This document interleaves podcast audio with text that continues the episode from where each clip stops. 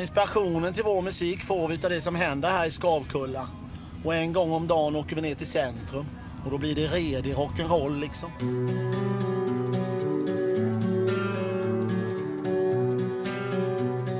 Med tanke på att vi eh, sitter i ett rum med en eh, tapetbord med Pongo och valptjuvarna så förstår vi att vi inte är i rock'n'roll-rummet. Men eh, Inget fel på Pongo. ska göra om här. Ja, men jag måste spackla, det är jävla segt alltså. Allt sånt är pissjobb alltså. Jag har mycket sånt som helst att göra hemma. Man, man orkar liksom inte. Bättre att ta in någon hantverkare. Ja, men jag vet inte om det här jobbet känns lite för litet för det. Så. ja, exakt. Du, jag behöver spackla över lite Pongo. Ja, nej, får ta tag i det där. Ja. Ja, hur känns det att vara tillbaka med i C90-podden då? Ja men det känns bra. Eh, känns väldigt bra. Jag är, eh, men jag är konstant taggad. Det För blev, ju, taggad fan mig.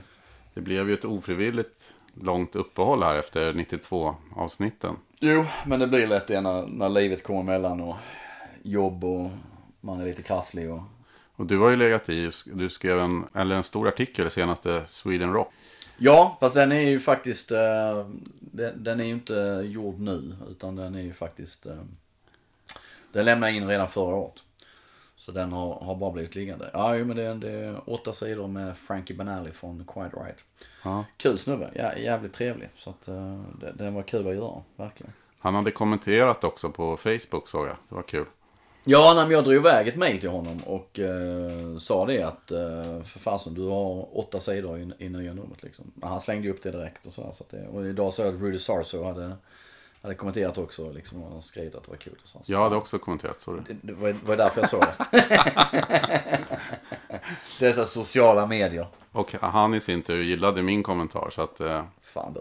Man, Ni, man ni är så liksom, tajta nu. vi är en del av eh, rockhistorien tillsammans.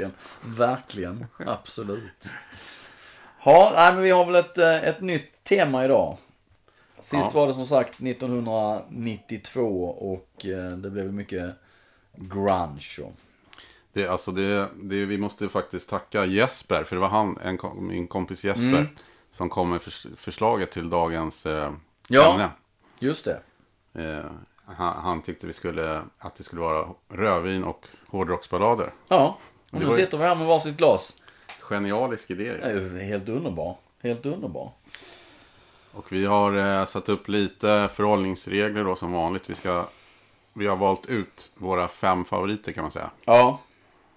Och jag har hållit mig ganska personlig i, i smaken sådär. Låtar som jag helt enkelt gillar. Jag har inte tänkt så mycket på eh, om de var tidstypiska eller om det var liksom den ultimata powerballaden eller... Nej, gud, det har inte jag heller. Jag, jag, jag har väl mer bara tagit... ehm, Nej, men det, det väl, ja, men jag gick väl med på sådana låtar som, som faktiskt har haft någon betydelse för en på ett eller annat vis. Vad tycker du om ballader då, i stort? Om man säger så. Ja, men... Ja, men det är ju jätteintressant eh, för att just när man nu pratar då, man ska ta powerballaderna. Så är de ju väldigt förknippade med 80-talet. Och väldigt förknippade kanske just med eh, mycket av det som man då idag kallar för hair metal. Men, men som då var alla dessa band från Sunset Strip i Los Angeles. Och det var stort hår och, och tajta brallor och, och spandex och sånt där. Ehm, och, och det blev ju en... Eh, det blev ju... Man får nästan säga att det blev någonting som skulle finnas med på varenda jäkla platta. Ja. Ehm, och eh, många gånger så, så lyckades väl banden och andra gånger så blev det någonting som bara swishade förbi som ingen brydde sig om. Men, men det är ju uppenbart att många fick ehm, enormt genomslag med ballader. Eh, och man hittade en ny publik eh, på så vis. Så att, eh, då var det väl en, en större grej än, jag menar det är väl ingen direkt som tänker på powerballader eller skriver powerballader idag på så vis liksom. Nej. Eh, Så att, eh, nej. Men, men eh, vad fan. jag,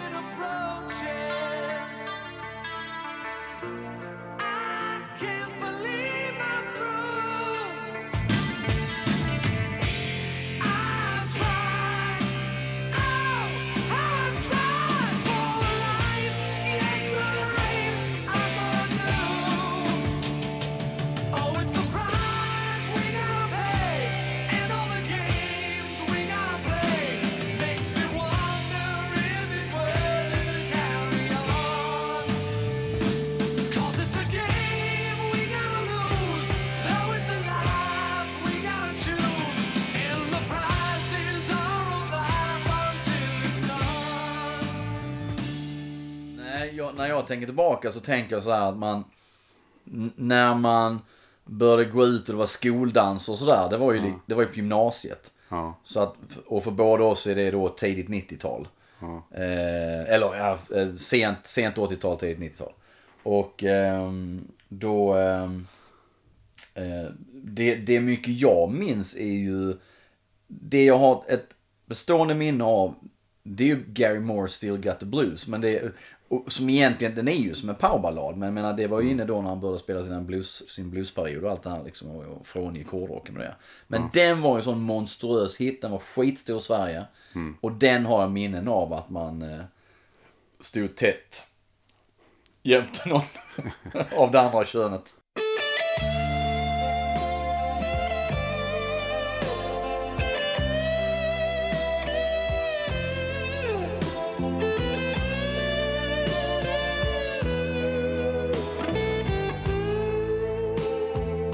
Och, och dansade. Eh, det minns jag. Men, men kanske inte så mycket av, då, av de här andra låtarna som vi sen kommer att prata om. Eh, Men just den minns jag. Den och sen spelades eh, eh, Alana Miles, Black Velvet. Var väl kring samma veva också. Den var också en sån där som, den, den var ju given. På varenda jäkla skoldans när man var ute sån så var det, de två låtarna spelades jämt. Och var de där sista låtarna innan de tände lampan när det var dags att gå hem. Så att, eh, Jag hade redan blivit hemkörd. jag var aldrig kvar så det. exakt. Där har vi förklaringen. Ja, just det. Jo, nej men det, det vad, säger du själv om powerballaden? Ja, men många, sen, sen är ju, många är ju, alltså väldigt många är ju fantastiskt bra. Snyggt låtsnickeri och sådär. Sen finns det många som var eh, rent horribla musikaliskt och alldeles för smetiga och sådär. Men många är ju väldigt, väldigt bra. Jag kommer ihåg när de här Power Ballads-samlingarna kom. Just det. Det var väl svenska Just samlingar. det. Just det. Stämmer. Jag tror det fanns... Svartvitt omslag med någon tjej med lite mm. skitiga oljefläckar på honom, så här, någon bikini. Just det. Och så tror jag kom även More Power Ballads. Just det, stämmer. Det var ju ganska tråkig förpackning av musik överhuvudtaget. Liksom. Det var Oh ja. som en spellista. Ja. Och så blev man jävligt trött på de där låtarna. Och vissa var ju liksom dåliga från början. Och... Exakt, slänger på någonting med accept istället. Men jag tror de gjorde liksom förmögenhet på de där samlingarna. Det, det tror jag också. Eh, och det var väl, var inte det, då började väl också de här absolutsamlingarna. För de kom väl på vinyl först och kassett kan jag tänka mig. Så här, och, och sen gick det ut CD och sådär. Det, det sålde väl som, som smör i solsken då. Det var väl en typisk där, man får vara lite fördomsfull så här, tjejkommentar då på den tiden. Att jag gillar inte hårdrock, men jag gillar hårdrocksballaderna. Ja men så är det. Så är det. Jag, jag, jag gick och tänkte på det också. att Så, så var det ju, alltså det var ju, man får ändå säga att om man tittar på 80-talet då, hårdrockare och så syntare och hårdrockare. Men vad fan, det var ju killar som lyssnade på det. Och precis som du säger, tjejerna kunde då tycka att det var någon, ja men jo den där balladen, den var ju jättebra. Men resten ville de ju liksom inte höra. Och, och där tror jag också, det tror jag också jag, jag minns från band man intervjuat som var så här stora på 80-talet, kanske då början på 90-talet. Och jag minns, jag, för, jag har snackat bara med Eric Martin och Billy Sheehan i, i Mr Big. Och där vill jag minnas någonting också om den, de fick ju en jättehit med med To Be With You. Och den kom väl i början på 90-talet någon gång tror jag. Fan det. Eh, och då vill jag minnas också att någon av dem har sagt det där också att visst, det kommer ju ofantligt mycket mer tjejer på, på spelningarna. Men samtidigt var det många då också som de uppfattade som att de blev besvikna. För det var ju bara den låten som var en ballad. Sen så kunde de köra på en massa annat. Ja. Och så tror jag det var för många band på 80-talet, just hårdrocksband. Eh, Det drog till sig en annan och mer uppblandad publik. Där det kom mer tjejer dit. Men de kom för just den där låten och sen så var fan. Sen spelade de massa annat liksom som inte var lika kul eller lika bra tyckte de. Mm. Så att, eh, men det, eh, nej men det, och det, det just det här med, med, med, med tjejer så, eh, så- så minns jag från eh, videon då, eh, A year and a half in the life of Metallica som kom efter svarta albumet och deras turné. Och, och just en scen där Lars Ulrik sitter i omklädningsrummet, tar av sina äckliga, vita, svettiga Typ strumpor, tubsockor. Och så säger han någonting om att eh, i publiken ikväll så var det liksom, fan det var nog 50-50 tjejer och killar.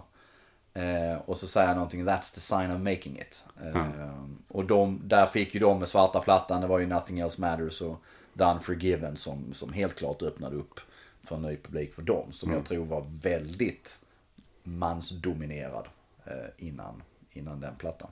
That's the sign of selling out. Dessutom det, ja. Absolut. jo, men så var det ju. Det, det var ju skitmånga som fick den kritiken. Att, att just ha med en ballad, det var verkligen att sälja ut. För det var klart också, det var, en, det var ju en... Jag tror det var en...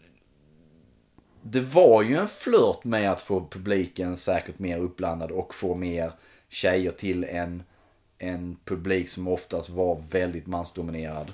Eh, och sen givetvis var det ju att liksom en förhoppning om att hamna på topplistan och, och liksom sälja plattor på så vis. Du fick den där balladen och det följde med att då köpte folk plattan oavsett om resten av låtarna inte tilltalade dem så att säga. Men eh, nej men, men powerballad det är, nej, det är nog väldigt mycket 80-tal. 80-tal och pudelfrilla och tajta spandexbrallor. Det var ju därför också Guns N' Roses var som våtdröm för skivbolaget. För att de hade båda sidorna. Oh ja. Och direkt efter genombrottet med Appetite kom Lies. Ja. Som en hel sida med ballader då. Absolut. Även om det kanske inte var powerballader i den Nej, nej, visst. Men det var Oh, ja. någonting som verkligen gick hem hos en Oh, ja. bredare Oh ja. publik. Helt klart. Helt Ihop klart. med Sweet Child of Mine då, som redan Ja, var släppt. verkligen. Verkligen. Men jag kan ju tycka också att det, skänk, det är inte bara att, att det är smörigt och sellout. Så att det, en bra skiva, det kan ju vara, ge dynamik till en skiva. Mm. Att, man kan, att man kan varva olika uttryck. Ja, oh ja.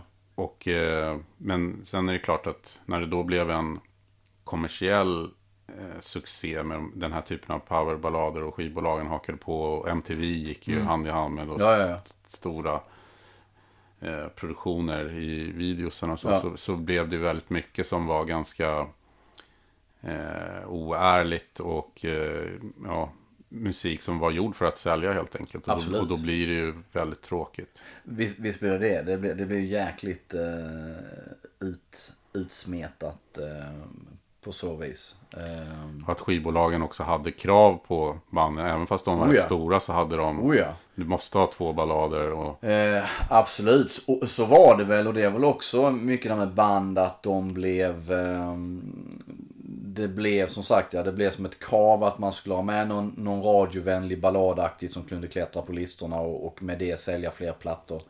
Eh, och det fanns väl band som blev påtvingade låtar kanske som någon annan hade skrivit. Eh, för att eh, få med det där. Eh, den där lugna låten som förhoppningsvis skulle ge någonting. Så att det... eh, och det var ju tydligt också. Om något band hade haft en hit med en ballad. Någorlunda stor. Så fanns det nästan alltid någon kopia på nästa skiva. Ja, ja, ja. Oh ja.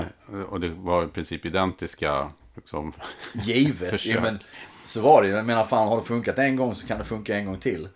Ehm, men jag, jag vet exempelvis ehm, Black and Blue som då är ett av mina gamla favoritband från, från, eh, från 80-talet som aldrig, de blev liksom inte riktigt stora. Men de hade ju på, ehm, vad blev det nu? Det blev på tredje skivan, Nasty Nasty, så har de ju här, är det I'll Be There For You. Som, som de, jag vill minnas att de egentligen inte gillade låten. Och den är ju skriven av eh, Jonathan Kane. Från eh, Journey. Mm. Som numera har en tokreligiös fru ju som är någon sån här spiritual guider för, eh, guidance för eh, Donald Trump. Okej. Som är helt wacko. Och han har också blivit helt wacko. Ehm, nej men det minns jag så här för att det, den hade han skrivit och det har jag för mig var en sån där skivbolagsgrej. Att eh, den här ska med så den, den ska ni spela in. Ja. Eh, sen gillar jag den, jag tycker den är helt okej som så. Och den är ingen riktig powerballad men det är en sån här lugnare låt liksom. Så.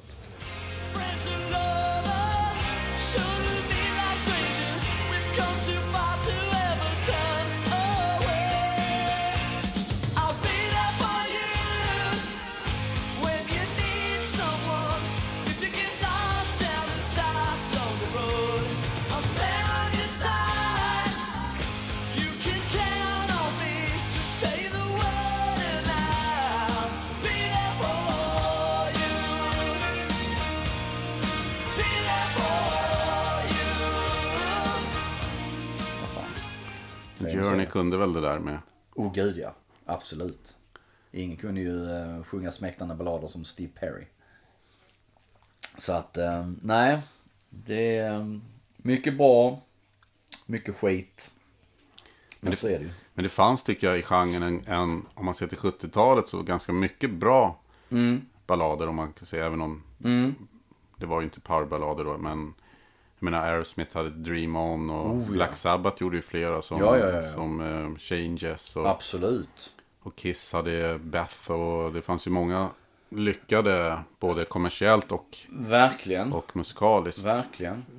Jag kan ju tycka att de, de powerballader eller ballader som var bäst var kanske många gånger de som hade lite svärta i sig på något vis. Där det fanns lite mollstämning. Det, det, ehm, de, de Absolut. gav oftast eh, lite mer än bara någon glättig grej liksom. Ja, Ehm, Så att, eh, nej. Det, det, eh, många håller än. Helt klart. ja. Utan tvekan. Ja, nej. Det finns mycket att, eh, mycket att ta av om man skulle sätta ihop ett blandband. Jag funderade på om det fanns några band som aldrig gjorde någon av de större hårdrocksbanden som aldrig gjorde någon ballad. Och då tänkte jag på AC/DC. Men då var det en, en, en kompis som berättade att det finns en Aust Australien-press av, jag tror att det är High Voltage eller något, där det finns en låt som heter Love Song. Eh, det är mycket möjligt. Nej, kan jag inte som så. Sen har de ju... Nu är vi inne på nörderi här med Ja, utländska exakt. Men den,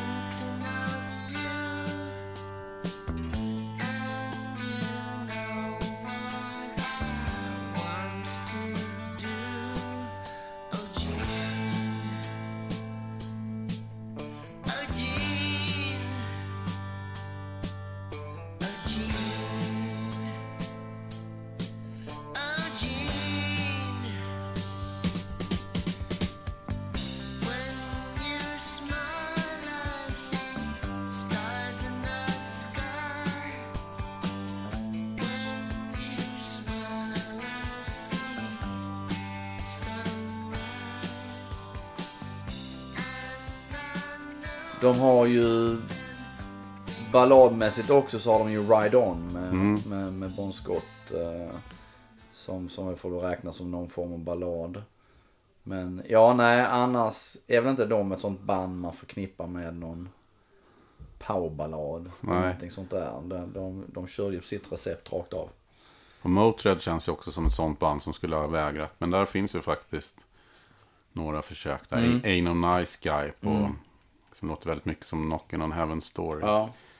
Jag tror, de, jag, jag tror de flesta på 80-talet och även liksom in på 90-talet, jag tror de flesta gav sig på det. Och, och gjorde ett försök. Eh, helt klart. Så länge du inte hamnar liksom bland thrashband och så. Ja, De- nej, nej, visst, visst, visst, visst. Slayer väntar ju fortfarande på kärleksballaden. Det var så jävla nice. Sån här kärleksballad om någon massmördare eller någonting sånt där. Ja. Epos om Jeffrey Dahmer.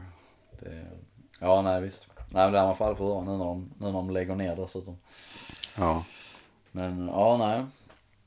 Nej men var, var, var ska vi börja nysta? Så det, det, början på 80-talet kom det ju en del grejer. Och sen så får man väl säga att det är mot, mer mot, när det verkligen börjar smaska till så är det väl mer mot slutet av 80-talet. Andra hälften av 80-talet då. Då det verkligen så här, fan. Varenda jäkla platta liksom. Och det, det spelades på radio, det spelades på MTV. Som du nämnde innan. Eh, Och just så liksom stora produktioner. Det var liksom maffia jävla videos. Ibland med någon jävla handling i liksom och sådär. Så att det... ehm, ja, det var ju många gånger man satt och tittade på de här äh, hemska, liksom, han, just som du säger, små historierna som var Ja. i, i de här videosarna. ja. Som väl var sådär liksom. Men det, jag vet inte, det var underhållande. Ja, absolut. Jag menar det, det, det funkar ju för fan. Eh, man satt ju och tittade på det och smådiggade. Det måste ju ha kulminerat någonstans med Guns N' Roses och de här Estranged och Ja, Don't Cry, exakt. här, Ja, speciellt om vi snackar svulstiga videos. Ja men de måste ha, efter det måste det ju ha vänt, Ja. vänt för att Ja, de kostade ju som långfilmer. Ja liksom. exakt, det var en helt här absurda summor. Ehm, Men, men det vet jag också. Jag, jag vad fasen var det? Jag, jag har intervjuat sådana band som jag vet ehm, Babylon AD som aldrig liksom blev något stort band. Eller, och även Black and Blue och eh, Autograph och sådana band. Så många av dem hade ju, de kunde ju ha budget på så här 100 000 dollar för en video liksom. Det var inget konstigt. Eh, och det jag menar, det var ju abnorma summor egentligen. Ja, Eh, Men det är klart, man tänkte väl att det skulle generera någonting i, i försäljning så att det skulle komma tillbaka. Men ska vi eh, gå till våra topplistor då? kan vi absolut göra. Spänningen är olidlig. Ja, det är så, som alltid. Som alltid. Jag, eh, jävligt gott vin det här måste jag säga. ja visst. Mm. Appassimento. Ehm, Ja, shoot. jag börjar bakifrån då. Gör så. Ska vi se om du känner igen det. då.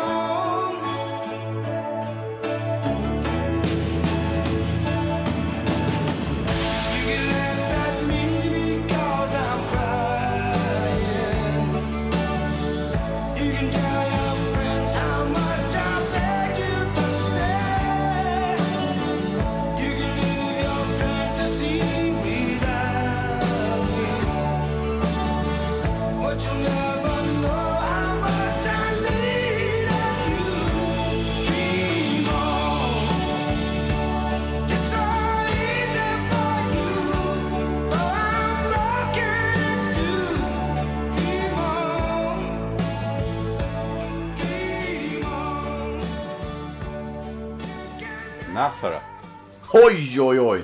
Men jag fan, jag, jag... Det enda liksom Nazareth-grej jag har, jag, jag minns att jag köpte någon på vinyl. Billig vinyl, köpte någon sån här samling, någonting sånt där. Ja. Eh, jag var aldrig någon eh, Nazareth-fan sådär liksom. De har ju gjort en till ballad som är mycket större än den här. Ja men det är den Hurts Love. Hurts. Love Hurts, ja just det. Som även John Jett har spelat in. Just det, just det, just det, just det. Den här Dream On har även He- Helix gjort. Hoppsan. Sverige-favoriter också. Kanadickerna Ja, som öppnade för Kiss. precis. Den här kom 1982. Åh jävlar, Så att- shit. Jag tror att de, jag trodde den var äldre. Men eh, Ja. På, på, Ja men det var ju så här liksom, ja nej, nej, Nazareth. eh, ehm, det är väl Hair of the Dog och så här också, det är väl Nazareth, är det inte det? ja, precis. Som Ehm. Guns gjorde på... Ja, och... Ehm, Det är ett, ett skotskt band. Men jag köpte nog den där samlingen. Jag köpte nog sent 80-tal skulle jag tänka mig. Jag har kvar den någonstans. Men det var aldrig något band jag lyssnade på som så. Men det, det var ju så här liksom. Den var ju ganska typisk 80-tals balladaktig får man ju säga. Ja. I, i eh, In all its might. Dream On med den skotska gruppen Nazareth släpptes som singel 1983 och finns med på albumet To Excess från året innan. Den floppade i USA men blev en stor hit i flera europeiska länder.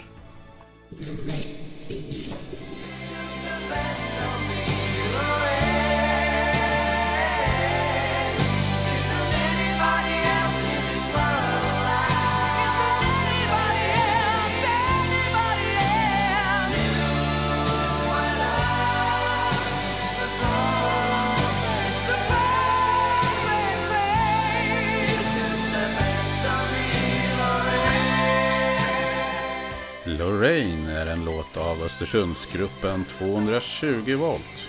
Den låg fyra veckor på Trackslistan våren 1987 och som bäst på en tolfte plats.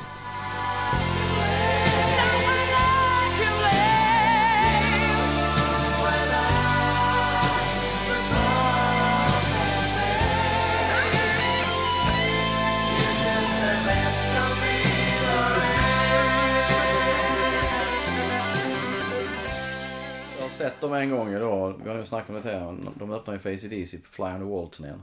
Mm. Eh, Men mitt enda bestående minne av 220 volt, det är ju den där låten eh, It's nice Antingen to nice, be a nice, king eller nice nice to be the king. Ja. Eh, Jag tror den var med i uh, Metalljournalen. Ja, något sånt måste den vara. Och jag minns att jag tyckte den var liksom lite... Att den var ganska hård. Mm. Eh, den var ganska liksom så här, så, så som jag, då var man ju ung och eh, oförstörd. Men jag minns att jag tyckte den var liksom, ja ah, fan alltså, det var en riktig metal det. De höll ju ut ett ganska bra tag ju på 80-talet och turnerade ju. Ja. Här folkparksturnéer. Ja. Med Eh, Treat och jag tror de gjorde lite sådana här Just det, paket. just det. Och sen har de väl återförenats i några omgångar och haft diverse sångare och de finns väl fortfarande men har haft, jag tror bara de senaste åren så har de avverkat några olika sångare tror jag. Ehm, så eh, det, det, ja, 220 volt, fan alltså. I was hungry,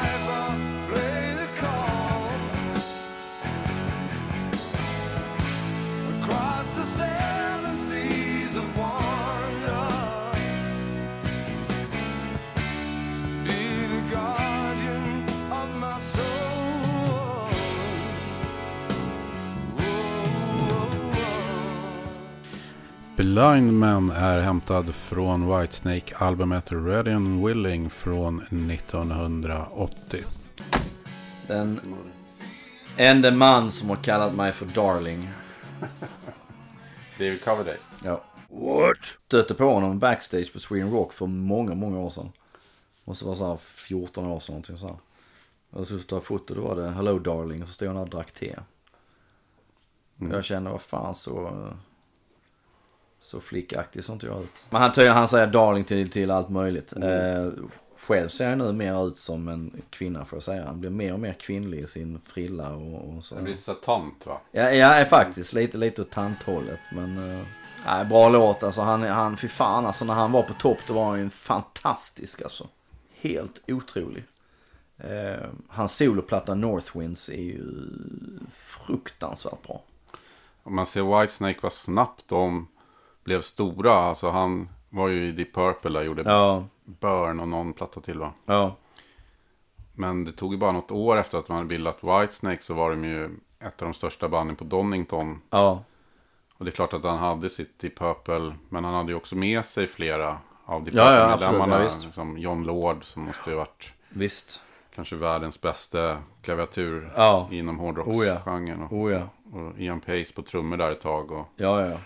Och sen var det Cozy Powell och, ja men han har ju alltid, han har haft en förmåga att plocka Ja. fantastiska musiker. För det har ju alltid varit en, det får man ju säga om Whitesnake, det har ju liksom fan aldrig varit någon stående sättning. Det har ju varit eh, massa folk han har plockat in hela tiden så att eh, men, eh, nej men det minns man ju. Man minns ju fan måndagsbörsen, vad var det? 83 eller något sånt Ja, fantastiskt. Slided in-plattan och så.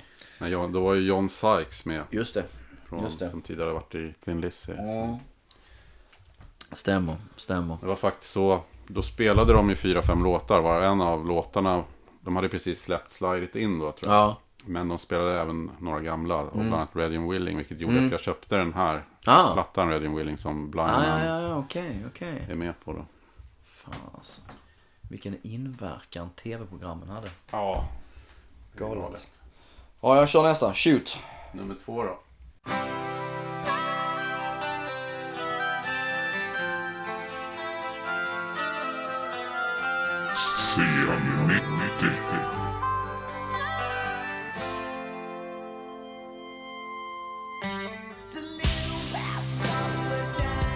House of Pain är en låt av Los Angeles-bandet Faster Pussycat som gavs ut 1989 på albumet Wake Me When It's Over.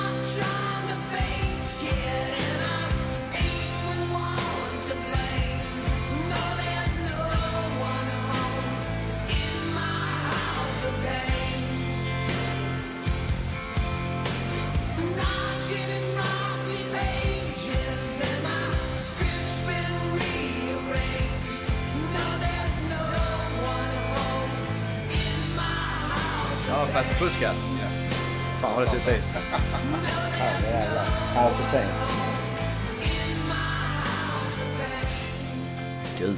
Det blev ju en... Eh, Vilken platta är den med på? eh, den är på Wake Me When It's Over. deras Ja, just det, just det. Fancy Pussycat lite för mig var sådär att det var debuten. Mm. Jag menar, polaren köpte den och den, den var svinbra. Den är ruggigt slis. Ja, den är ju riktigt jävla bra. Men sen efter det var också sådana band som bara fejdade ut och, och sen lyssnar vi inte speciellt mycket mer på det. Ehm, och så är det en dag. Idag har jag köpt upp några fler Pussycat-plattor men, men ehm, Den som kom efter Wake Me When It's Over var också en, var riktigt bra. Tyckte jag. Jag lyssnar mycket på den. Ja, för sen de har ju den här, eh, vad heter den? Whipped. Ja, det är den tredje där innan det. Ja, för den, den är ju skitskum. För den är ju, tycker jag, jag tycker den är ganska horribel. Men där är den här, eh, eh, vad heter den? Är det Next Train to Nowhere eller någonting sånt där? som är Mm, Last helt- Train to Nowhere. Ja. Exakt, som är en sån jävla eh, rackebraka-låt. Fantastiskt bra. Men jag tycker resten av plattan liksom inte håller eh, samma kvalitet på långa vägar. Eh, men den står kvar hemma i samlingen på grund av den låten. Den här kom, eller den här kom ju i slutet av 89 med skivan då, Wake Me When It's Over. Men blev väl lite en ja, MTV-hit 90. Mm. Eh, och Faster Pussycat var väl de som låg under Guns N' Roses Ja, och alltså debuten kom ju... Eh, 88 eller sånt där va? Nej, debuten kommer samma år som, eh, som Appetite. Okej, 87. Eh, men den kommer väl lite... Antingen är det att den släpps lite före eller lite efter. Och eh, dränks väl sen liksom av Appetites eh, monstruösa framgång. Eh, men den är ju fantastiskt bra. Den är ju så jävla bra.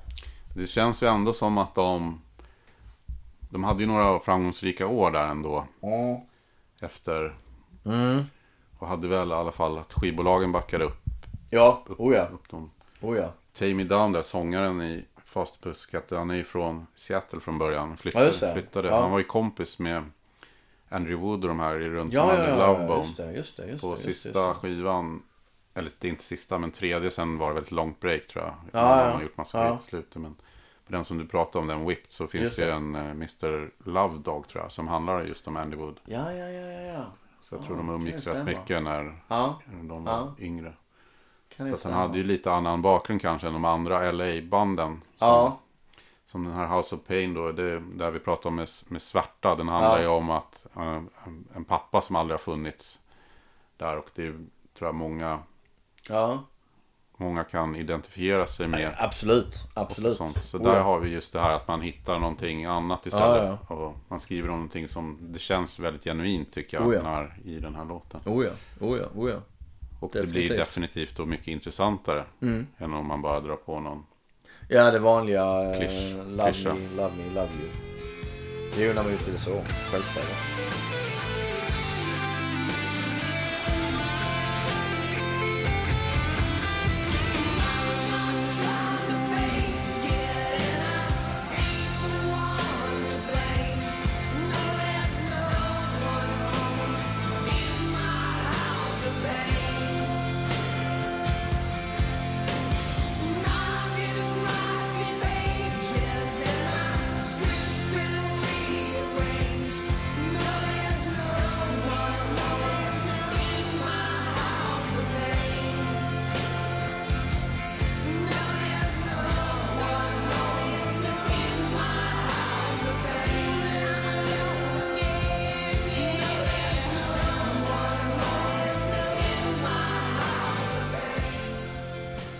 Jaha, ja.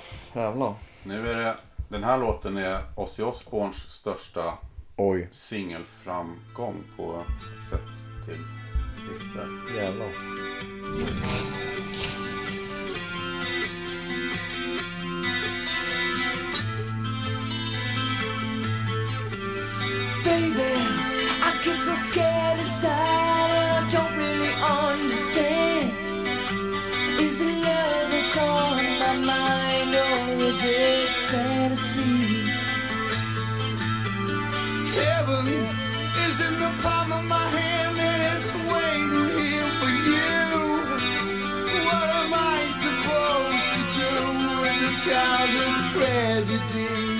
Close My Eyes Forever, en hit från 1987, skriven och framförd av Lita Ford och Ozzy Osbourne. Låten finns även med på Lita Ford-plattan Lita.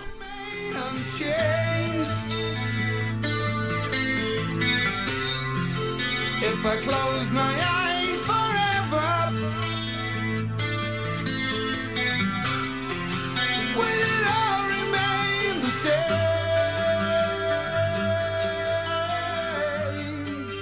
Det blev en väldigt stor hit. Den var ju typ topp 10 på stora Billboard. Och det var väl lite oväntat kanske. Fast Lita Ford hade ju några år där de var ganska stor i framförallt USA. Med Kiss Me Deadly och de här. Ja, hon, hon, var nog, ja, hon var nog större i USA än hon var, var i Europa och så här. Det, Ja. det, och jag, där, eh, vad heter det, just med Lita Ford, om man bortser från Runaways och det så, hennes andra platta, eh, Gotta Let Go, är väl, är väl den platta som jag har lyssnat mest med på. Eh, och just den låten, Gotta Let Go, eh, eh tycker jag är förbannat bra. Eh, lite kul video där, där hon liksom hon står och diskar och vad fan det är någonting och massa grejer. Jag minns jag intervjuade henne och pratade om det men nu minns jag inte alls vad vi kom fram till. Nej men Lita Ford, jag hade en sån jävla stor, Kerrang hade någon gång runt så här 87, ja där omkring så gjorde Kerrang, de hade såna här mega posters. Och jag tror, de, jag tror grejen var också att de delade upp den så att du var tvungen att köpa liksom numret efter så kom också för andra delen av postern eller så. Jag minns inte vad det var. Men det var det att de hade en sån jätteposter på Paul Stanley och jag vill minnas att även om det kan vara på baksidan på den var det någon sån stor bild på Lita Ford. Där hon står i någon paljett liksom groddräktsaktigt liknande. Så jag tyckte hon var lite småsnygg där på något vis.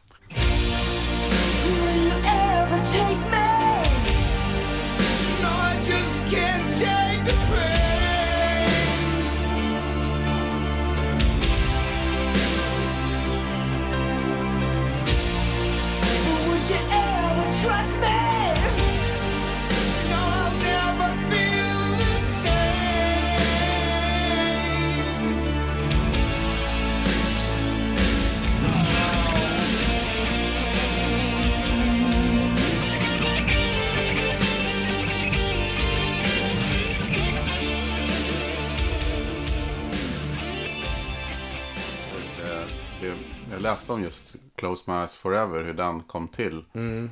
Och att det blev en duett just med Ozzy. Var ju att eh, hans fru Sharon Osbourne var hennes man- manager. Just det. Ja. Och när de då skulle spela in den plattan som bara heter Lita så kände de att de behövde någon ballad. Så att han var där i flera omgångar och eh, de började liksom från noll och jobbade fram den här texten och så. Men han var ju inte så intresserad. Han var typ dit-tvingad av Sharon Ja. som jag, vad jag har förstått har ganska bra pli på honom. Åh gud, ja det tror jag med.